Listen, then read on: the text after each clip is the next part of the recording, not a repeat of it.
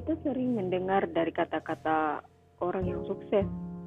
Kita juga sering membaca dari buku-buku motivasi yang menyatakan bahwa kita bisa belajar dari kegagalan. Bahwa kegagalan itu bukan suatu hal yang harus dihindari, bukan suatu hal yang membuat kita sedih, tetapi suatu hal yang kita harus bisa belajar darinya. Cuma, apakah memang kenyataan semudah itu? Nah, Menurut penelitian yang dilakukan di Amerika, ternyata orang-orang itu relatif sulit untuk bisa belajar dari kegagalan. Jadi, mereka akan lebih mudah untuk belajar dari sesuatu yang membuat mereka sukses. Mengapa demikian? Nah, ini ada kaitannya dengan apa yang disebut sebagai ego atau rasa harga diri manusia. Jadi, ketika seseorang itu gagal, atau tidak berhasil, tidak akan membuat egonya terluka, akan membuat rasa harga dirinya terluka. Ego yang terluka, rasa harga diri yang terluka, itu tentu bukan hal yang menyenangkan. Karena hal yang tidak menyenangkan itu adalah maka kita akan cenderung untuk sulit mengingat kembali apa atau mengambil pelajaran dari hal yang membuat kita gagal. Nah, itu tidak terjadi dengan satu yang menyenangkan.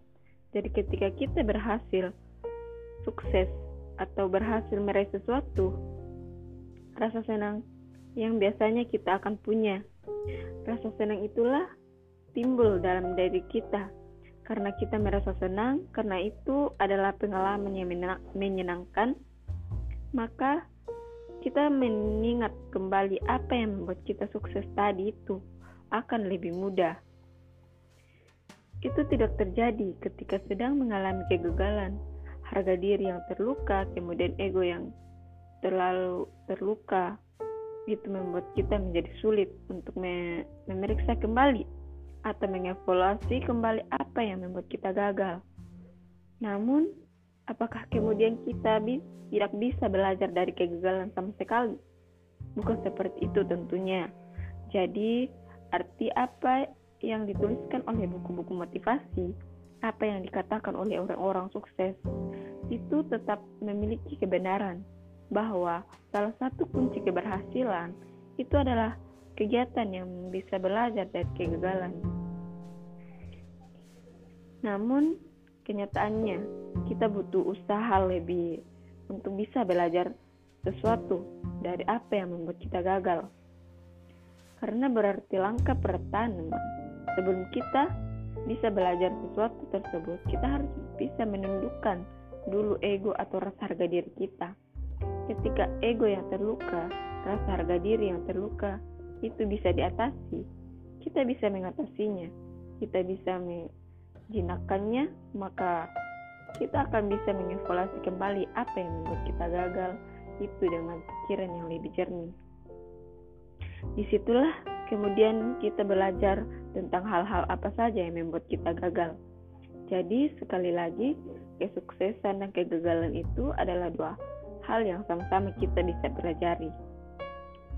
Hanya saja ternyata untuk belajar dari kegagalan itu memerlukan upaya yang lebih kuat memerlukan upaya yang lebih berat karena tadi ego dan harga diri harus bisa kita tundukkan lebih dahulu. Nah, berikutnya juga karena kegagalan itu membuat harga diri kita terluka, membuat ego kita terluka, bahkan membuat rasa percaya diri kita juga semakin berkurang. Pelajaran yang bisa kita petik selanjutnya adalah ketika kita hendak melakukan sesuatu, makna sebaiknya kita merencanakannya dengan sebaik-baik mungkin.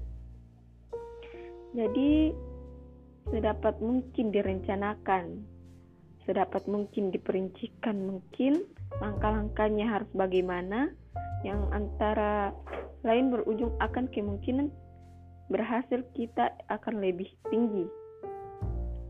Pada suatu titik, kita tidak ingin melakukan sesuatu karena ingin berjalan dari kegagalan. Kita melakukan segala sesuatu itu karena kita ingin menunjukkan kepada kesuksesan. Karena kesuksesan itu adalah sesuatu yang menyenangkan, sesuatu yang bisa dibanggakan. Sedangkan kegagalan adalah sesuatu yang membuat sedih, sesuatu yang membuat harga diri kita terluka, sesuatu yang membuat rasa percaya diri kita semakin berkurang. Itu sebab kembali pada perencanaan tadi dengan perencanaan yang maka mudah-mudahan peluang kita untuk berhasil menjadi lebih banyak sehingga kita tidak kemudian terus-menerus kehilangan rasa percaya diri. Karena rasa percaya diri itu ibarat tabungan di bank ya. Jadi tabungan itu akan berhenti. Berarti kan ada batasnya. Kalau kita ambil terus-menerus, tidak melakukan deposit ulang, tidak menyimpan ulang, tidak menabung ulang, tapi kita hanya mengambil terus-menerus apa yang terjadi pada tabungan kita, maka lama-lama tabungan kita pun habis. Nah, itu juga yang terjadi pada rasa percaya diri rasa percaya diri yang selalu diambil terus-menerus karena kita selalu gagal atau sering gagal dalam melakukan sesuatu, maka lama-lama akan membuat tabungan percaya diri kita akan semakin habis. Dan itulah bisa menghancurkan. Orang yang sudah kehilangan rasa percaya diri itu akan sulit untuk melakukan apa pun meskipun hal itu merupakan sesuatu yang tidak sulit buat dia sebenarnya.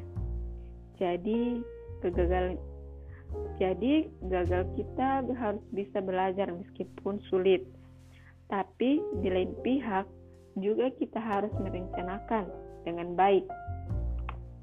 Memikirkan matang-matang ketika hendak melakukan sesuatu sehingga keberhasilan itu akan lebih besar peluangnya untuk kita dapatkan.